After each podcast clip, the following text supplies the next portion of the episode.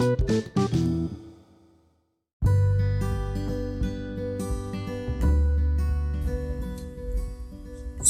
datang di podcast Cemana Dei dengan saya sebagai host yang kali ini membawakan topik yang segar-segar buat kalian. Saya adalah Diki Sugesti dengan teman saya Bobby. Bobby Nasution. Oh, oh benar Nasution Iya, sih. di, di- eh, an- eh, lu kau itu, kau itu, Terserah lah. kau itu itu m- menantunya Jokowi. Oke nih, Mau bahas apa sekarang? bahas apa? Eh, bahas yang lagi ngetren gimana? Boleh. Boleh ya. Nih yang lagi Boleh. kita mungkin semua orang harus tahu sih Mm-mm. karena ini podcast eh, lagi seger-segernya nih berita nah yang Sesegar apa sih? seger seseger Apa? seseger Segernya wajahnya cewek. saat pagi hari. Anjir. Mana ada dia pagi hari seger yang ada. Belekan mungkin. Eh, lah, kalau pagi hari iya. Nah eh gimana nih Pak Bob? Kabarnya? Baik? Sehat, sehat, Sehat. sehat, sehat, sehat. Alhamdulillah. Eh, kelihatan capek banget nih. Pusing.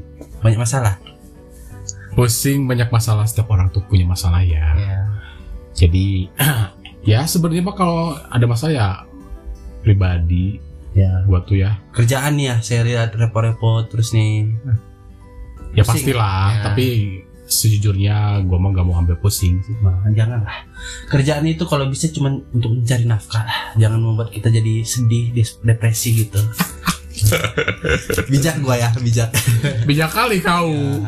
oke mungkin untuk tema pertama ini yang tema yang paling kita banget dan Apa kebetulan untuk yang namanya tema episode awal Hmm. buat teman-teman pendengar kan pasti belum tahu kan kita ini siapa dari mana Hmm. ujuk-ujuk tiba-tiba bikin podcast tuh kayak wah siapa sih lo sok asing banget gitu kan Hmm. Makanya kita sekalian membahas topik-topik yang lagi seger, sekalian kita perkenalan ya. Oke. Kali ini saya nih mau nanya ini ke Katanya perkenalan. Iya, makanya diawali dengan pertanyaan. Oke. Saya mau Apa? nanya nih Mau nanya apa? tentang masa kecilnya Anda nih. Kita nih untuk F, uh, for your information ya guys ya. Nah, Jadi kita ini beda kultur lah ya kan. Jadi teman uh, ketemu gede. ketemu gede temen yang seperjuangan gitu Oke. jadi kita sama-sama perantau nih tapi lebih aku sih perantau didinya mah geser Ya, aku masih di masih anak anak ya Jawa. sini juga ya jadi Jawa Barat tem- teman-teman nih ya eh, kita lagi di Bandung dan saya itu lagi merantau di Bandung nih ceritanya nah kebetulan Bung Bobby ini Iya, Bu Bobby. ya zaman 98 Bu Bobby. Nah, Nggak jadi- dikali Bu Bobby. Kayak kesannya tuh kayak umur umur gua tuh udah 40 tahun ke atas ya. enggak dia enggak 40 tahun 50 loh Gila ya. jadi Enggak lah, masa kecil kecil aja. Karena gimana pun ya tidak terlepas dengan eh, area atau wilayah, kita pasti punya masa kecil yang beda-beda dong. Ya iyalah pasti nggak mungkin. Nah, kayak mungkin saya. sama lah masa kecil. Zaman kolonial sih gimana tuh? Wah, jatuhnya kamu terlalu sok muda nih. Iya emang ini. saya masih 19 tahun. Oke, ini Untuk mulai nih ya perkenalan perkenalan gua nih ya. Boleh. Oke. Eh, sebenarnya nama gue tuh bukan Bobby. Iya. Itu nama nama ini ketren doang. Gue tuh lahir eh, di Garut. Tepatnya adalah pokoknya. Iya.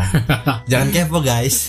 Gak usah kepo loh kalau misalnya mau kepo nanti tinggal DM aja di Instagram atau di official TikTok Iya. aja. Atau saya kasih WhatsApp aja. Janganlah. Iya. Kasihan.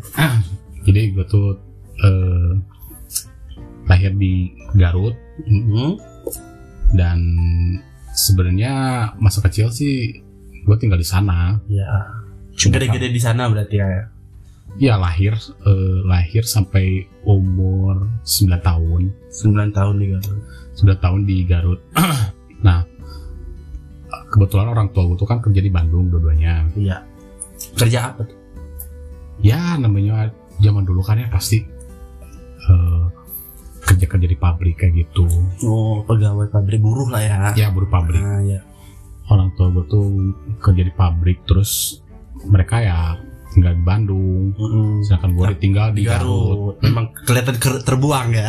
bukan terbuang jadi Iya. eh, istilahnya kan ya mereka cari nafkah kan. Iya, ya susah juga bawa anak yang sekolah mungkin ya. iya Siap. ya dan pada akhirnya kan di umur gue yang 9 tahun itu mereka memutuskan untuk Pindah. pindah Pindah. jadi menetaplah di Bandung lah. menetap di Bandung. Bandungnya kabupatennya gitu atau Ya, di kota lah. Di kota. Ya di suatu kecamatan di kota Bandung aja lah Iya, berarti di, Gak usah disebutkan detailnya juga kan siap. Oke. Berarti kan dari umur 9 tahun. Berarti dari 9 tahun sampai sekarang baru di di Kota Bandung. bukan baru ya udah lama lah Oh, udah lama ya. dari umur 9 tahun iya, maksudnya dari 9 tahun berat, eh, di sudah sudah hijrah ke Bandung hijrah ke Bandung. Ha, Berarti Terus- masa kecil didinya ini kayak SD itu lamaan di Bandung, di baru Garut berarti ya. Garut ya kan kan 9 tahun itu kan eh, sekitar kelas 3 SD ya Kelas 3 SD. yang gak lama juga sih cuma ti- tiga tahun eh tiga tahun SD di sana 3 tahun SD. tapi kan sebelum sebelumnya kan emang tiga di Garut kan Hmm. dari lahir Tuh kalau di Garut tuh panas nggak dis? di Garut tuh sejuk coy Sejuk ya? sejuk banget soalnya Heeh. gue tuh di Garut tuh deket di kaki Gunung Guntur Oh kaki Gunung Guntur. Ini le- makin spesifik nih. Jadi ya kan kaki Gunung Guntur juga kan Oh iya luas. ya. ada kecamatan ada kelurahan juga Ya Garut itu eksotik tau cuy. eksotik. Bener saya pertama kali ke Garut tuh pernah main-main gitu. Mhm. Itu banyak gunung dan bukit tuh ya. Sampai kita harus mau ke Garut tuh nurun gunung, naik bukit, nurun betul gunung. betul banget ya, jadi kan eh, di Garut itu eh, terkenal ada tiga gunung Nah, Eh, bisa disebut istilahnya tuh Paguci oh Paguci tuh? Ini Paguci itu ada ada singkatannya cuy. Eh, Pak Gunung. Bukan. Jadi? Bukan.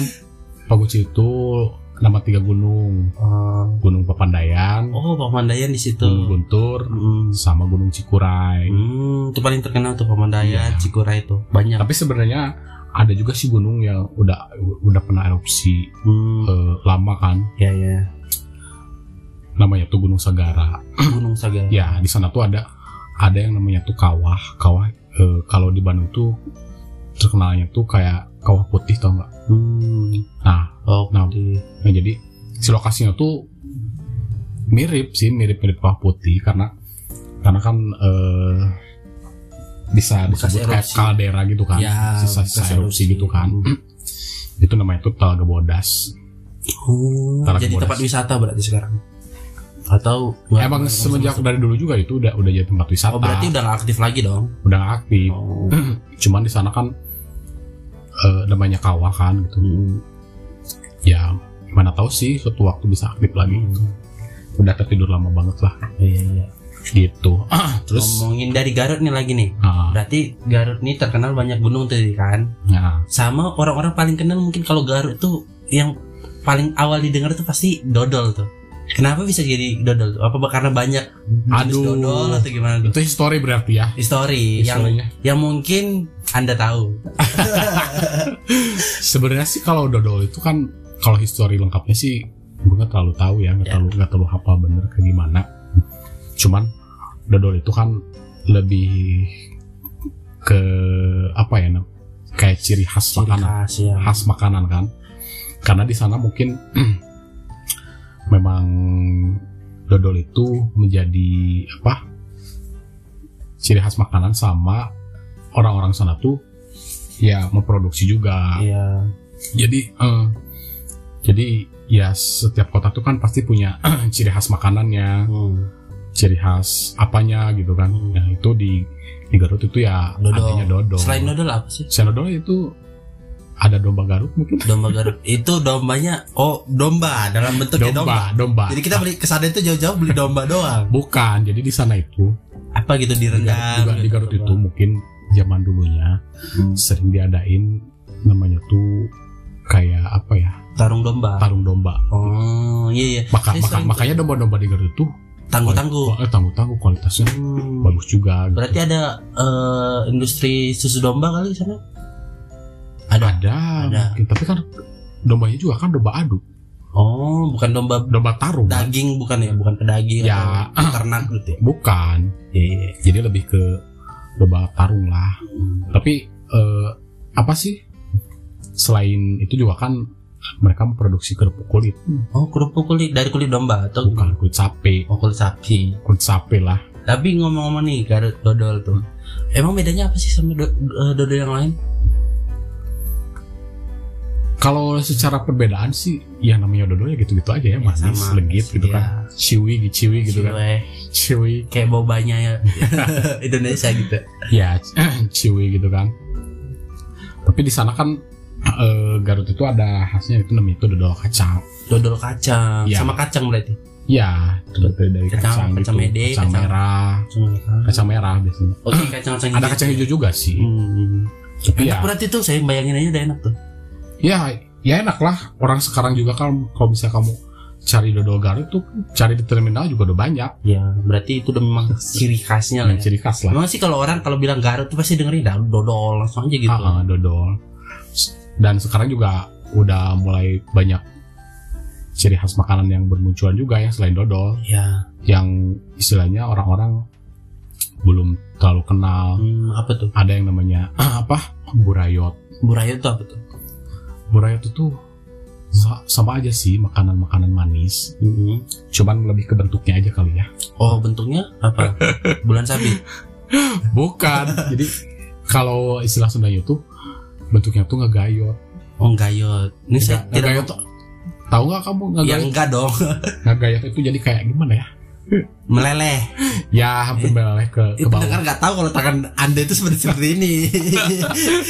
ya nggak bisa soalnya itu harus disertakan Oh. dengan praktek Mending di searching aja guys. ya Gimana tuh? searching aja lah itu ya. Mungkin boleh sekali lagi nanti kalau main ke Garut tuh dicari aja. Nah, mana tahu suka. burayot itu Heeh. kayak gimana bentuknya cari aja di Google Ya pasti banyak lah. udah banyak itu Ngomong-ngomong masa kecil nih di Garut kan, Nah, dan anda tadi bilang eh, sampai kelas 3 SD tuh. Heeh.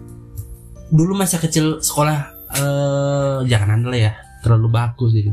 apa? Dulu, dulu masa kecil Kak, eh, Pak Bobi nih di sana gimana tuh? Das masa sekolah lah.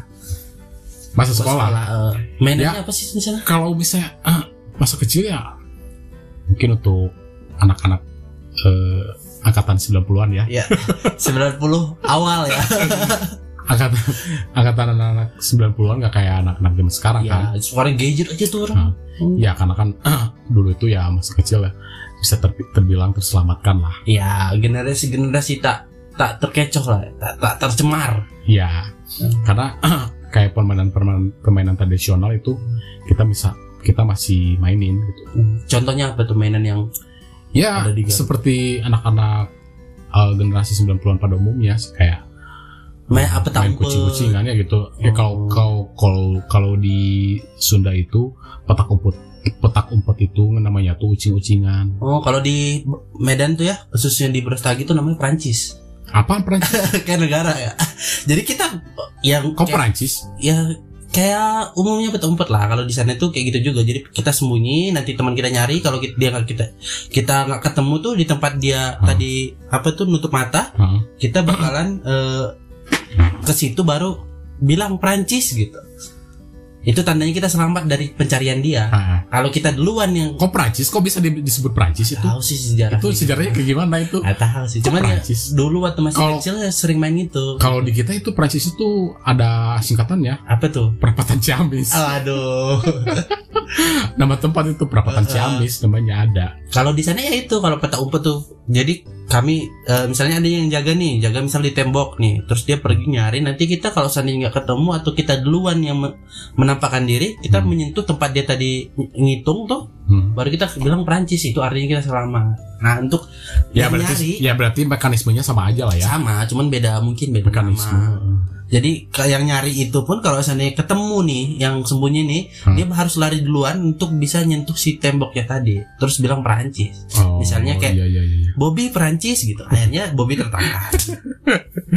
ya Selain mekan- itu tuh mekanismenya sama aja Mm-mm. Biasanya kayak kalau di Indonesia tuh hampir semua sama ya permainannya ya. Cuman paling beda-beda nama. Hmm, cuman eh, selain ucing-ucingan gitu kan kayak Mm-mm. ucing-ucingan ada yang namanya tuh sondra galah jidar main Itu galah sama galah aja gitu. sama aja cuman mungkin eh, istilah namanya beda-beda ya tiap daerah Mm-mm.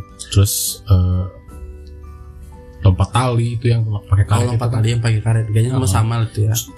cuman kita disebutnya tuh sapintrong Sapintro. Kalau kami mah main karet itu ya aja. main karet itu aja lah Heeh. Kalau kalau itu apa sih? Yang lempar ke yang gambar di tanah itu apa kalian tuh? Saya nggak lupa. Sondra itu kita Sondra itu namanya. Sondra. kita namanya Sondra Namanya engklak kalau nggak salah. Hah? Engklak kalau kami. Engklak Heeh, kok sudah lama. engklak itu kayaknya tuh lebih ke bahasa Sunda ya Nggak tahu tuh. Nggak tahu dari Sunda tuh kok gimana. di Emang di artinya di? Sunda apa tuh? engklak itu jadi kayak apa ya loncat tapi Nggak sampai bukan nggak sampai terbang gitu. engklak itu jadi kayak ngengklak loncat cuma satu kaki naik Oh iya, kayak gitu kan mainnya Ya, tuh. gitu. Mm. Kalau di sana namanya engklak nggak tahu eh, dari mana asalnya mungkin memang ada, Padahal engklak itu kayak Imigran. Sunda loh. iya mungkin imigran du Sunda ke sana Ya Nah. bisa jadi. ngomong-ngomong permainan masa kecil nih Mm-mm. ada berita yang bisa dibilang lucu cuman kejadian gitu berita, Berita yang apa? yang sungguh menghebohkan jagat maya jadi di India Per- maksudnya apa hubungannya sama sama sama per- permainan anak kecil? Jadi ini soal permainan anak kecil bisa lah biasa anak-anak tuh ya kadang Hmm. suka iseng dan bikin eh, hal-hal yang konyol gitu kan, Ah, bocil-bocil gitu bikin Ah. lucu-lucuan. Nah kali ini orangnya itu terlalu lucu gitu kalau tuh didengar. seberapa Jadi- lucu sih coba? Ah dengerin ya. Jadi ada seorang laki-laki di Bangladesh, Mhm. dia main peta umpet, tapi eh, dia main sembunyi, tapi sekalinya diketemu pi- pindah negara dong. Jadi dari Bangladesh tiba-tiba dia udah di Malaysia. Tunggu tunggu tunggu tunggu. Ah, ini kurang paham nih. Jadi Agak-agak paham. Nah. dia dia dia, nah, dia dia main petak peta umpet. umpet, Heeh. Terus dia sembunyi. sembunyi. Terus Dia sembunyi itu nggak ketemu sama temennya. Nah dia sekalinya ketemu di Malaysia dong. Nah dengerin nih. kok bisa? Nah ini anak-anak itu Bisa? aneh-aneh aja gitu. Eh itu maksudnya itu karena eh, ada hal mistis atau kayak gimana? Bukan. Jadi ini sebenarnya kesalahan teknis dan human error lah gitu. Jadi dengerin nih Oke beritanya. oke oke oke. Dikutip dari suara.com, seorang bocah laki-laki asal Bangladesh mengejutkan banyak orang saat muncul dari dalam peti kemas. Jadi kayak kontainer gitu. Aha. Di eh, pengiriman yang baru saja tiba di salah satu pelabuhan di Malaysia. Rupanya ia terkunci di Oh. dalam sana saat sedang bermain petak umpet dengan teman-temannya di kotanya. Jadi di asal kotanya itu Cita Citagong ya. Nggak tahu nih Citagong. Iya, Citagong.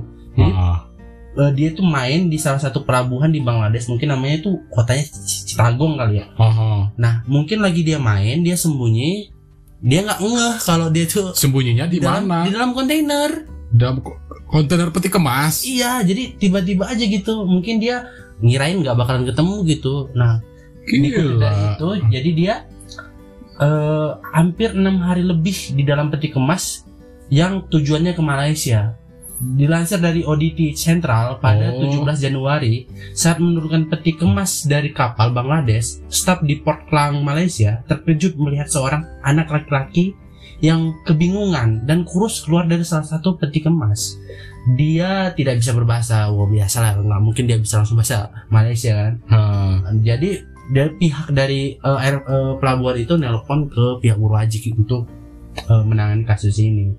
Jadi awalnya tuh kepolisian itu mengira dia tuh korban human trafficking, penjualan Hmm. manusia.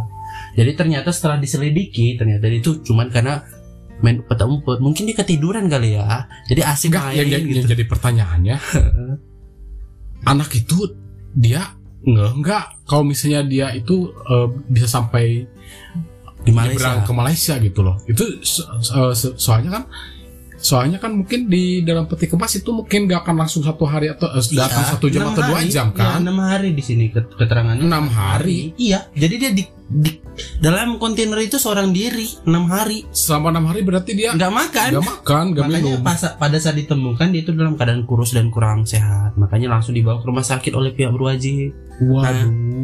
Mainan macam-macam kayak gini tuh bisa terjadi gitu. Kadang-kadang anak-anak tuh suka konyol aja gitu. Mungkin dia ngira bakalan aman nih eh, sembunyi di kontainer nggak ketemu sama temennya. Nggak taunya malah pindah negara. Aneh-aneh aja zaman sekarang tuh. De de de de. Heeh, makanya Ada hati-hati ya buat teman-teman tuh kalau main tuh hati-hati buat mungkin teman-teman yang punya adiknya keponakannya jangan sampai hilang mantel lah takutnya Hmm. bisa hilang juga anak anda sampai ke Malaysia ya Jadi eh seumpama nih Ah. kejadian itu terjadi sama saya sama ka- kau gitu kan. eh, Itu kayak mana? pastinya bingung pastinya bingung cuman ya entah mungkin eh, Nggak nggak nggak coba buat teriak gitu minta tolong atau kayak dia gimana? udah coba teriak di beritanya dia coba teriak cuman nggak ada orang dengar namanya kontainer pelabuhan Ya, ya, ya. mungkin dia posisinya paling atas jadi nggak ada Ah. orang yang denger Heeh. cuman parah sih enam hari dia tuh bisa nggak makan nggak minum tuh obat banget berarti Iyalah pasti oh, itu dehidrasi kali. Mm-mm. Ngomong-ngomong Tidak juga nih, anak-anak ini suka, suka aneh-aneh nih, sumpah. Anak-anak itu kadang entah di luar nalar aja gitu, mungkin dia nggak ngerti atau apa gitu Ah. tiba-tiba kayak buat keputusan suatu hal yang eh, nggak kita pikirkan gitu. Ah, Kadang kenakalannya atau keusilannya, keisengannya. ah. Nah, sekarang ada berita terbaru juga nih soal anak-anak yang eh, kabur selama 25 Apalagi? tahun. apalagi? Jadi dia kabur dari rumah dia selama 25 tahun. Heeh. Bayangin 25 tahun kabur dari rumah Heeh. Jadi ketemu gede dong sama keluarganya 25 Yang bikin- tahun eh, anaknya anaknya itu dia mungkin ada masalah kali ya. Mungkin Nah yang bikin lucu alasan dia kabur ini geng Dan ini bakalan bikin kalian ngakak Alas alasannya gimana? Gara-gara takut disunat Wajay, Kok takut bisa gitu? disunat. Itu bakal parah itu sih Kok bisa Mungkin dia denger-denger ditakut-takutin temennya kali ya Sampai Ya sih mungkin ke trigger juga ya sama teman-teman. Kalau Iya misalnya eh, dia Sunat ah, itu sakit Iya, gitu-gitu iya mungkin pasti karena kan anak-anak itu kan kanak-kanak kalau misalnya udah ditakut-takutin Hmm. gitu kan pasti dia Ngiranya bener ada ada apa sih rasa ketakutan tersendiri. Iya traumatik gitu ya, Iya, Makanya mungkin. buat temen-temen jangan ditakut-takutin lah Tuh. Ini gokil nih Sebenarnya 25 sebenarnya kan tahun loh sebenarnya kan sampai 25 tahun kan dia kan harusnya eh, udah beranjak dewasa. Nah Apa dia nggak kepikiran gitu buat ternyata kalau sunat itu nggak nggak semengerikan itu. Heeh, makanya parah sih. Nggak ya yang jadi pertanyaannya sampai sekarang dia Udah sunat belum? Nggak tahu. Mungkin udah atau udah punya anak malah. jadi ini ada beritanya nih. itu baca. konyol banget ya itu 25 tahun kabur. Parah, jadi dari rumah dia kabur. Ah, ah, ah. Orang tuanya nggak nyariin apa ya? Ya entah sih itu. mungkin eh, cari ya, nggak mungkin nggak dicari. ya Cuman pasti ya, dicari lah. lucu aja gitu dia kabur. Cuman gak ada takut disunat. Ah, ah. Di- tapi ngomong-ngomong, anda sudah sunat belum? Nanti kita bahas. kok nanyain udah disunat ya. Takutnya anda sedang kabur juga. Jadi biar saya telepon keluarga anda nih. Gila. Eh, jadi ini beritanya nih. Jadi setelah 25 tahun, Agus, pria asal Klaten, Jawa Tengah, yang kabur dari Ah. rumahnya karena takut disunat, akhirnya kembali menurut cerita Amini sang ibu. Agus pergi meninggalkan rumah tanpa pamit ketika usianya masih 12 tahun. 12 tahun tuh udah gede lah. Udah gede ya, harusnya Udah lebih udah, udah ya. kelas 6 SD. Iya. Harusnya tahu deh gitu. Mm-mm. Tepatnya pada tahun 1998. Malah Gua tahu tahun saya lahir nih. Hah?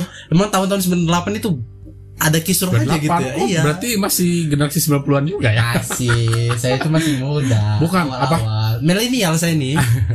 Biasanya kan kalau misalnya anak disunat itu kan Hmm, eh, di usia dini kan, ya. di antara 5 sampai 6 tahun. Mm-mm. Jadi Tapi ini kan cowok. ya cowok kan emang eh, Kalau pengalaman ya. cowok Pengalaman kan saya eh, makin muda makin gua, bagus. gua juga kan dulu Sunat di sunat itu umur 5 dua tahun. 5 tahun, Kirain baru brojol sunat. 5 tahun. Jadi pas sebelum sekolah. Oh. Jadi pas udah masuk sekolah tuh udah aman. udah aman lah. Kalau saya kelas 6 12 tahun. Tapi memang Udah gede. Tapi kalau di sana emang gitu ajarnya sunat masal Oh, gitu. Jadi umur 12 tahun, Ah, jadi kita lulus SD tuh kan tuh ah, ah. kelas 6. Jadi pas libur mau masuk SMP kita sunat. penyembuhan gitu ya. Jadi masa sembuhnya itu bisa dipakai pas libur. Tapi mending kalau menurut saya gue pribadi nih ya, Ah. kalau disunat anak cowok itu mending sebelum sekolah SD sih, Hmm. karena biar dia tuh apa? Karena eh, di usia lima tahunan kayak gitu bisa dia nggak akan terlalu apa nggak akan terlalu terkontam- terkontaminasi sama omongan-omongan orang gitu. Hmm.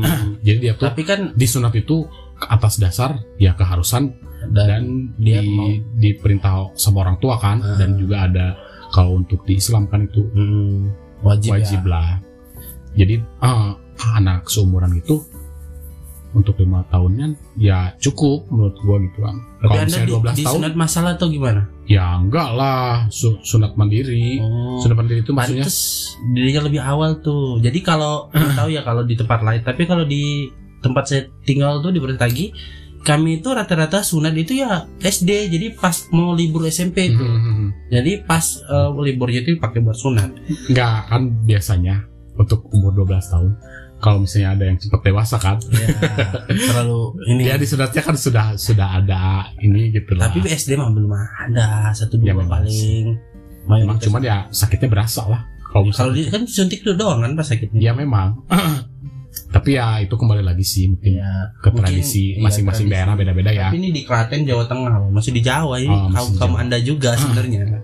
ya mungkin itu tergantung dari keluarga juga Jadi Amin pun mengaku sudah lima tahun mencari Agus ke berbagai daerah, Mhm. namun tidak berhasil. Hmm. Akhirnya ia menyerah karena harus bekerja menghidupi anak-anaknya yang lain mungkin. Mhm. Jadi keberadaan Agus terlacak setelah video YouTube tentang orang dengan gangguan. Oh dia ada gangguan, oh ODGJ, ber- ber- berarti dia maksudnya tuh ada mental, mungkin mungkin. disabilitas mungkin ya Oh, jadi dia tuh kalau dari dari kecil itu bukan ODGJ sih jadi apa? Oh, kalau dari kecil memang ada gangguan mental autis. ya kayak autis begitu Hmm, bisa jadi. Mungkin karena itu jadi dia Mhm. ah, udah ada mental nih, ada sedang sakit gitu. Mhm. Terus mungkin teman-temannya, saudara-saudaranya nakut-nakutin. Jadi dia mungkin ngebayangnya ke mana-mana. Akhirnya Aha. mungkin dia kabur. Jadi Oh, dia jadi- sempat viral itu di Bantul Terus- dari media sosial. Eh, dia ketemunya kayak gimana Ja- jadi ini nih ke terlacaknya setelah dia viral di Bantul. Jadi mungkin si Aha. ibunya ini di tag atau dia ngelihat Aha. viral di Bantul baru dia dibawa ke rumah. Jadi dia tuh tuh mengaku eh, viral di Bantul. Mhm. Di media sosial dalam video tersebut Agus mengaku berasal dari Klaten. Kemudian tim Hmm. teknis tenaga kese- kesejahteraan eh, mulai mencari keberadaan Agus dan Agus berhasil ditemukan. Jadi sebenarnya terkoneksi nih. Jadi Ya, dia ya, ya, tuh ya, viral di Bantul. Dia si si Agus ini bilang saya dari Klaten. Nah, Aha. mungkin dari pihak sosial nyari ini Mhm. siapa nih yang hilang atas nama Agus di Klaten. Mungkin baru itu baru ketemu sama ibunya. Oke. Cuma ini oke, oke. udah gede. Seumuran Udah gede Anda. banget lah. Udah 25 tahun tuh udah dewasa. Eh, eh, 25 tahun dia jangka hilangnya. Dia kan Oh. hilang dari 12 tahun. Berarti Berapa tuh? berapa tahun umurnya? 27. Enggak. Oh enggak ya. 25 tahun tambah 12. 37. 37. Seumuran Anda. Gila. Memang angkatan Anda itu idiot semua kayaknya. Gila. Ada-ada. Nah, itulah mungkin hal aneh yang dilakukan anak-anak cuman ini bukan aneh lah ya mungkin dia karena sakit ya mental segala macam jadi kita harus memaknai ini dengan hal yang Itu sempat viral ya? Viral di Bantul. Jadi katanya dia tuh viral di Bantul. Dia bilang kalau dia itu dari Klaten jadi mungkin orang dinas sosial mencari Oke, mencari oke. orang ini Hmm. gitu. Nah untuk hal-hal aneh kalau di Garut tuh ada nggak sih? Kalau atau di Bandung itu selama anda kecil itu hal aneh yang pernah di, di- anda dengar pas di sini? Aduh, kalau hal aneh itu mungkin banyak ya. Cuman ah, agak lupa-lupa ingat juga sih kalau misalnya kau eh, nanyain saat masa kecil gitu ya. kan. Ya mungkin kalau Mungkin- misalnya untuk sekarang-sekarang ya ada. kalau sekarang sekarang itu apa Ada sih. kayak contohnya Oh, mungkin nggak nggak harus tentang anda dong, tentang mungkin ya anda dengar berita atau Hmm. apa gitu di daerah sekitar anda gitu. Ya mungkin ke yang sekarang banyak viral-viral di sosial media itu. Yang soal mandi lumpur. itu. Ya kan itu hal aneh, maksudnya tentang soal anak kecil. Gitu. Ada nggak? Kalau soal anak kecil sih sejauh ini sih belum ada. Belum sih. ada. Berarti kalian lempeng-lempeng aja gitu. Lurus Lempeng aja lah orang. Waras-waras orang- aja kalian. Orang gue sibuk, sibuk kerja. ya maksudnya kan nggak mungkin di- anda eh, tidak ngeh gitu kehidupan sekitar. Enggak, enggak mungkin eh, karena apa sih? Karena mungkin banyak sih hal yang kayak gitu terjadi, cuman ya kita aja ah skip skip aja lah gitu. Lagi aneh-aneh. Banyak hal yang lebih berfaedah kan. iya. Cuman ya mungkin orang kadang nggak nggak aja itu ada aja gitu aneh-aneh kayak gini contohnya di Klaten, di Bangladesh tuh negara. Ah, ah, ah, ah. Itu artikel-artikel kayak gitu eh, memang banyak bermunculan ya di sosial media kayak Ya gitu. baru-baru ini viral soalnya saya juga baru tahu tuh hal-hal aneh juga. Nah, Terus apa lagi? ngomongin masa kecil juga nih. Hmm. Kalau dulu tuh saya tuh masih kecil itu hiburannya cuman koran jujur-jujuran Oke. karena TV itu masih langka dan orang yang punya TV itu masih kalangan sekitar aja Oke. kalau oke, kita mau nonton itu harus ya numpang ke dia atau gimana gitu nah Heeh. untuk me- mengisi waktu luang tuh zaman dulu tuh saya sering tuh baca koran harian yang dipakai yang dipakai sama eh, ayah ibu saya buat nempel dinding kalau dulu kami masih pakai itu jadi dinding itu biar nggak terlalu Pakai koran? pakai koran Oh iya. jadi kadang Memang memang seperti hmm, itu. jadi dulu. itu ba- bacaan saya dulu tuh koran Oh jadi eh kau tuh baca-baca koran itu karena nggak ada hiburan gak ada hiburan. selain koran ada si radio gitu Ah. gitu radio daerah segala macam sama berarti- buku Kasian juga ya. Iya, di pelosok. jadi dulu tuh eh ada kakak kakak bukan kakak sih. Jadi eh, adik dari bapak saya tante saya itu Hah? dia surat sering tuh ke pasar. Jadi daerah sana tuh pasar. Dia sering beli buku tapi bukunya tuh entah kenapa dia tuh doyan yang buku-buku mistis. Hmm. Ada tuh. Jadi ada edisi kayak semacam majalah, edisi mistis eh, daerah. Oh, tahu tahu. Nah, gitu-gitu. Dia sering beli itu dan itu yang saya baca dulu zaman dulu. Ya sih, Mistis, memang koran dulu, dari dulu tuh kan masih banyak kayak Iya. majalah- majalah-majalah mistis kayak gitu kan. Mm, Kayak majalah-majalah primbon Iya. kayak gitu. Terus ada majalah misteri Hmm. dan itu pasti disisipin sama cerita-cerita misteri juga Iya. kan. Ya, itu interesting sih. Iya, cuman Interesting. Karena mungkin karena masih di daerah ya jadi Hmm. kami nggak terlalu eh, mengikuti keupdatean. Kalau dulu itu hiburan saya tuh kalau untuk anda nih apalagi di kota besar se- sebesar Bandung hiburannya apa dong? Masa sama kayak saya? Ya kan Bandung zaman dulu sama zaman sekarang kan beda lah. ya makanya zaman dulu tuh gimana? Apalagi kalau misalnya zaman saya masih kecil itu pindah ke Bandung itu. Di Bandung itu masih banyak kebun-kebun, Hmm. kadang-kadang pesawahan Hmm. kayak gitu. main di sawah berarti Ya pastilah main di sawah apalagi nyari nyari apa kalau kalau eh, istilah Sundanya itu ada keyep. kayak keong gitu bukan Kalau kalau keong itu namanya tutut kan itu di sawah-sawah banyak. oh iya. Nah, itu nah apa tuh yang tadi kalau keyep itu sejenis kepiting cuy. oh ada Kepiting ada. Eh, kecil-kecil bukan kayak baby kecil-kecil. crab ya ya. udah baby enak crab. tuh kalau direbus tuh Iya. nah, dulu tuh sering aku mancing-mancing ke yep. Terus ada ikan-ikan kecil gitu kan. Hmm. Kita tuh dis- sebut nyebutnya itu namanya tuh impun. Oh, dulu mancingnya di mana? Di sungai mana? Sungai Ciliwung. Ciliwung tuh bukan di Bandung, cuy. Ciliwung mah di Jakarta. Saya kan tahu itu. Jadi sungainya emang dulu sungai mana sih? Eh sungai. Sungai-sungai kecil aja sih. Oh, sungai Pad- kecil. eh, sekarang itu eh, namanya tuh apa ya namanya itu sungai lupa lagi. Itu daerah Masa kecil. daerah Bandung lah ada tapi bukan bu- bukan bukan sungai Cikapundung bukan sungai Citarum ya sekarang tuh bukan kotor banget soalnya nggak Kalau mungkin. kalau itu kan sungai-sungai besar Iya, zaman dulu mungkin jernih lah ya. Ah. Sekarang sudah. jernih banget loh dulu dulu pun Oh, udah hidup zaman wah, prasejarah tadi. tahun 90-an 90-an loh masih masih jernih. masih masih bersih lah di Bandung itu Wah. masih masih sejuk masih udaranya masih bersih Tapi BTW memang kalau Bandung itu sejuk sih kalau menurut saya karena Ya. pohon itu di mana-mana. Memang karena kan Bandung itu kan dikelilingi gunung kan Iya, tambah lagi memang eh, si pohon-pohon itu nggak segampang itu ditebang. Kalau kami Aha. tuh ya di kota misalnya pohon-pohon itu gampang banget ditebang. Jadi akhirnya Mhm. kurang eh, itu vegetasi alamnya kurang. Sedangkan di sini tuh bisa kita masuk gang dikit ada pohon. Eh, Nah, untuk yang selanjutnya nih mau ngomong-ngomong soal liburan, eh liburan lagi hiburan nih. Ada salah satu hiburan yang dulu viral banget. Mungkin semua orang bakalan tahu soal ini. gimana viralnya gimana Viral. Kayak gitu lah terus mungkin orang pa- pada kalau saya sebut ini pasti bakal tahu. Jadi dulu Ah. itu sangat viral sampai dulu itu waktu zaman pertama handphone pertama papa saya tuh Ah, dia punya video ini jadi apa video Jojo dan Sinta. oh si Ten Jojo Iya yang I see, I see, Keong I see, I see, racun. Tahu kan? tahu lah Wah nggak mungkin nggak tahu orang saya Jojo udah hidup di situ. iyalah Jadi ternyata Jojo dan Sinta ini udah lama pisah. Jadi saya itu nggak tahu. Saya juga udah lupa sebenarnya dia itu selama ini ke mana atau gimana ya. Ha-ha. Tapi dulu itu sempat viral dan sampai diikutin orang-orang. Kalau zaman sekarang mungkin kayak TikTok gitu. Edit. Dulu tuh kalau nggak salah di YouTube deh. Ya di YouTube. Nah makanya dulu itu.